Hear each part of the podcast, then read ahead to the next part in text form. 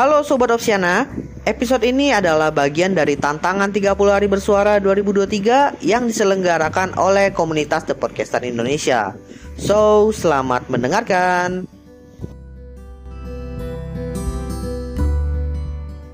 TikTok Shop kan kemarin ditutup.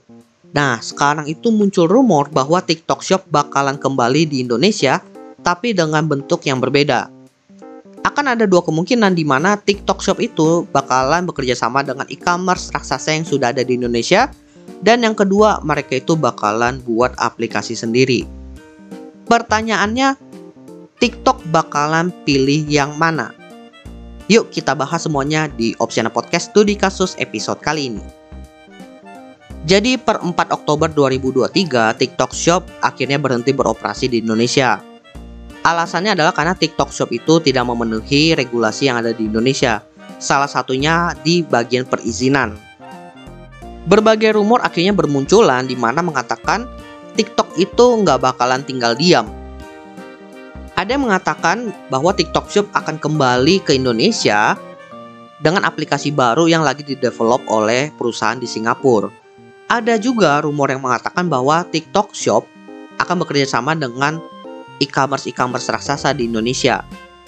Bahkan ada yang mengatakan juga bahwa TikTok Shop sekarang lagi bertemu dengan beberapa raksasa untuk menentukan siapa yang bakal jadi kandidat kolaborasi dengan mereka. Cuma sayangnya ini masih rumor, belum ada kepastian. Pertanyaannya adalah kenapa TikTok pengen ngebet banget kembali ke Indonesia? Tentunya karena potensi e-commerce yang cukup besar di Indonesia. Bahkan Sebelum TikTok Shop ditutup, TikTok Shop itu dapat dikatakan menguasai pangsa pasar di Indonesia dalam e-commerce ini. Bahkan sebelum tutup, pesanan di TikTok Shop itu disebut-sebut bisa mencapai 3 juta per hari, 3 juta transaksi per hari. Itu jumlah yang sangat-sangat besar. Makanya akan cukup aneh untuk TikTok Shop yang punya reputasi yang sangat baik melepas potensi yang udah mereka genggam itu. Mumpung reputasi TikTok Shop ini masih oke okay banget, mereka itu masih punya chance atau potensi yang besar untuk kembali dan menguasai kembali pasar yang bisa dibilang diambil alih oleh e-commerce yang udah ada saat ini. Tapi bagaimana caranya mereka itu bisa kembali? Seperti di awal tadi, ada dua cara yang bisa dibilang punya kandidat terbesar untuk dilakukan oleh TikTok. Yaitu yang pertama, membuat aplikasi TikTok Shop sendiri, aplikasi e-commerce mereka sendiri, dan yang kedua, bekerja sama atau berkolaborasi dengan e-commerce raksasa yang ada di Indonesia. Nah, di studi kasus episode kali ini, gue pengen membahas atau membandingkan potensi dari kedua pilihan tadi. Mana yang lebih baik, mana yang lebih oke okay dipilih oleh TikTok. Ada tiga poin yang pengen gue bandingkan di sini, so langsung aja kita mulai pembahasannya. Yang pertama, gue pengen membandingkan dari sisi waktu yang dibutuhkan oleh TikTok Shop untuk launching kembali di Indonesia. Dari sisi waktu, tentunya waktu yang dibutuhkan oleh TikTok Shop kembali dengan membuat e-commerce mereka sendiri jauh lebih lama ketimbang mereka itu bekerja sama dengan e-commerce yang sudah ada. Kenapa kalau TikTok itu ngebuat e-commerce sendiri jauh lebih lama? Karena kalau ngebuat e-commerce sendiri itu ibaratnya mereka ngebangun sebuah apps yang baru, sebuah aplikasi dengan konsep baru yang berbeda. Ada beberapa proses yang harus mereka lalui terlebih dahulu. Tentunya, pertama dari sisi regulasi. Hal ini kan yang membuat TikTok Shop yang lama tutup kan, makanya mereka itu harus membenahi dari sisi regulasi terlebih dahulu. Dari segi aturan, kemudian dari sisi perizinan. Kemudian, mereka itu harus membuat perencanaan dalam membuat aplikasi tersebut kira-kira mereka itu pengen ngedevelop sendiri kah? Atau mereka itu lempar ke vendor? Dan perencanaan itu bukan cuma sekedar siapa yang ngebuat. Perencanaan ini juga termasuk harus buatnya seperti apa proses bisnisnya seperti apa arsitektur aplikasinya seperti apa. Kemudian dari sisi budgeting pun harus dihitung. Setelah semua perencanaan itu sudah matang, kemudian dilakukanlah development atau pembuatan aplikasinya.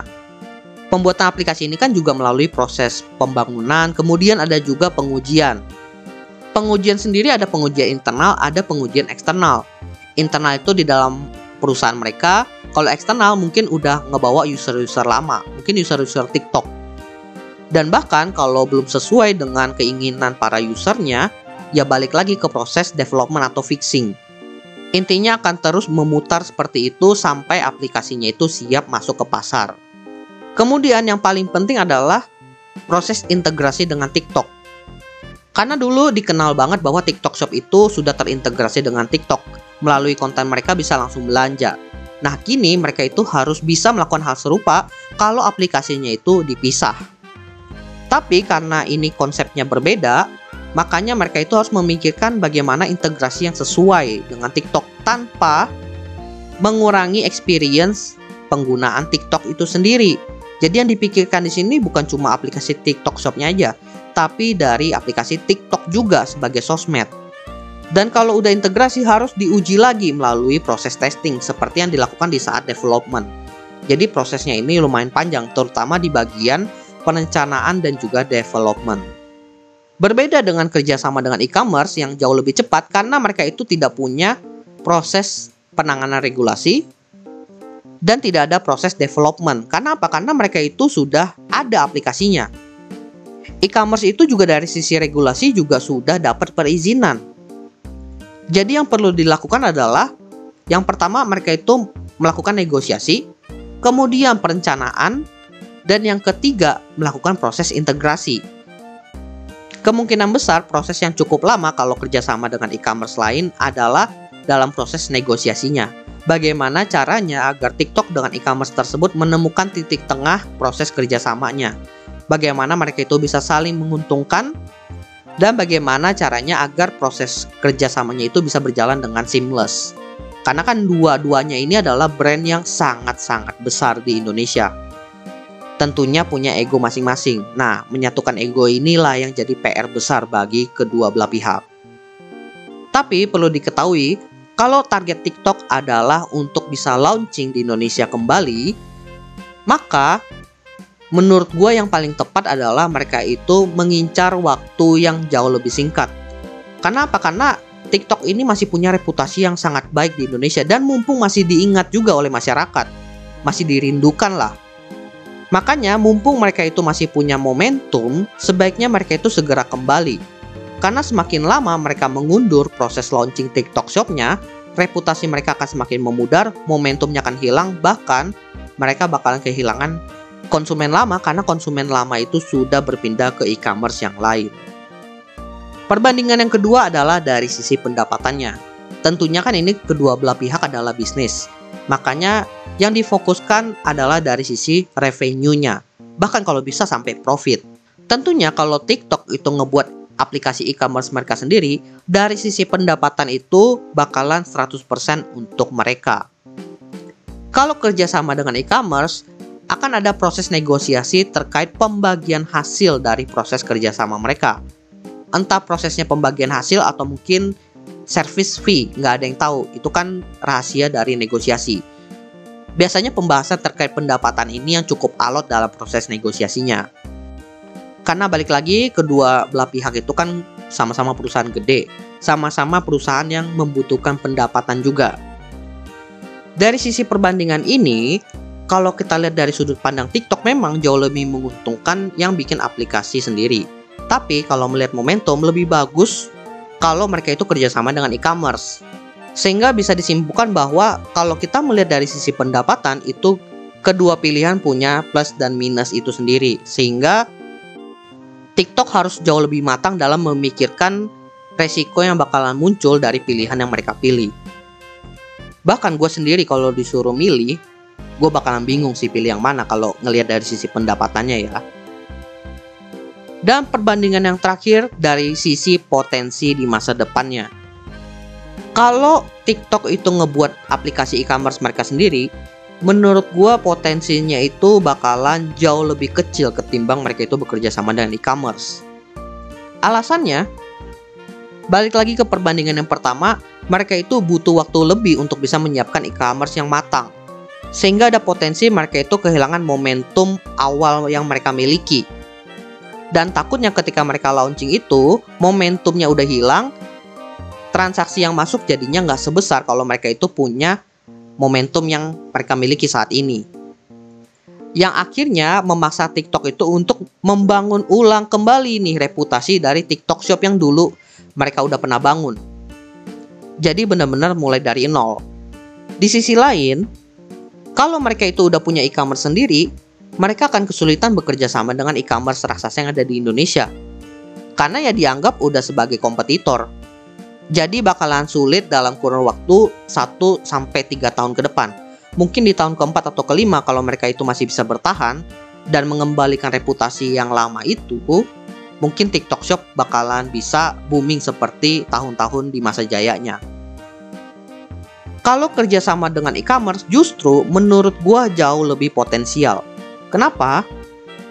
Yang pertama karena mereka itu bisa memanfaatkan momentum yang mereka miliki kalau seandainya mereka itu bekerja sama dengan e-commerce yang ada dan mereka kembali, tentunya mereka itu masih bisa memaintain reputasi yang mereka miliki. Reputasi baik yang bisa dikatakan masih diingat oleh masyarakat terkait TikTok Shop.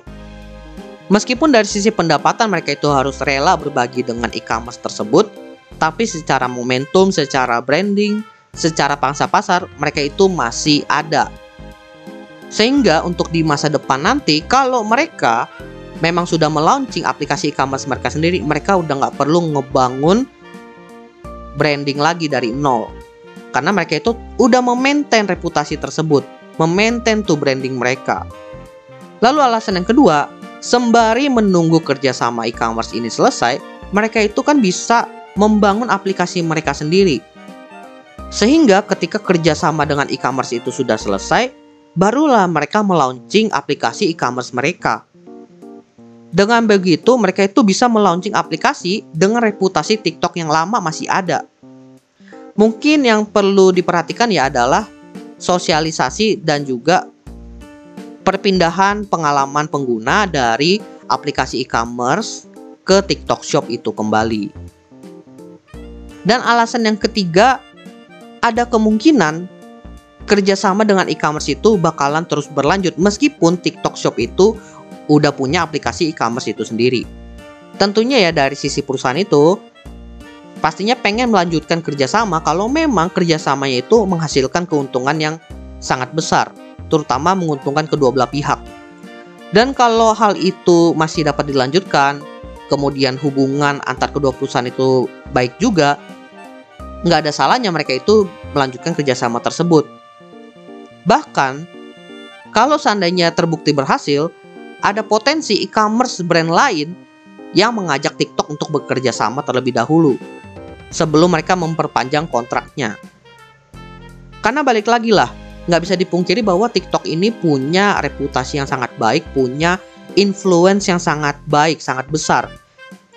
Dan e-commerce yang bisa melihat itu dan memanfaatkan itu dengan baik, bisa menghasilkan pundi-pundi dengan memanfaatkan influence yang dimiliki oleh TikTok. Sehingga make sense saja kalau memang terbukti kerjasamanya berhasil, bakalan ada perpanjangan kontrak dan bisa juga kerjasama dengan brand e-commerce yang lain. Oke, jadi itulah pembahasan terkait studi kasus episode kali ini seputar TikTok. Apakah mereka itu kerjasama dengan e-commerce atau mereka bakalan buat aplikasi sendiri? Menurut teman-teman bagaimana? Apakah kalian itu lebih prefer TikTok bikin aplikasi TikTok Shop sendiri atau kalian itu lebih prefer mereka bekerja sama dengan e-commerce e-commerce yang ada di Indonesia? Dan kalau kalian lebih tertarik mereka bekerja sama dengan e-commerce, kira-kira brand e-commerce apa yang kalian pengen TikTok itu kerjasama dengan mereka? Baik lagi, terlepas dari pilihan yang bakalan dipilih TikTok ke depannya, Pilihan tersebut tentunya punya resiko masing-masing. Tapi yang paling penting bagaimana caranya agar TikTok itu bisa sustain dari masa kini hingga di masa depan. Dan keputusan apa pun yang diambil bakalan berimpact ke depannya juga. By the way teman-teman, jangan lupa follow Instagram dan juga akun TikTok Opsiana Podcast di @opsiana_media karena di sana akan ada konten-konten menarik dan juga yang bermanfaat buat teman-teman semuanya. Dan juga kalian akan mendapatkan update dari Opsiana Podcast kalau nantinya ada episode terbaru yang rilis. So, jangan sampai teman-teman ketinggalan sama update-nya. Dan terakhir, jangan lupa juga untuk follow atau subscribe Opsiana Podcast di platform kesayangan teman-teman. Dan nantikan konten-konten menarik dari Opsiana Podcast nantinya di sana. Oke, gua rasa itu aja. Thank you buat teman-teman yang sudah mendengarkan. See you next time di episode Opsiana Podcast lainnya.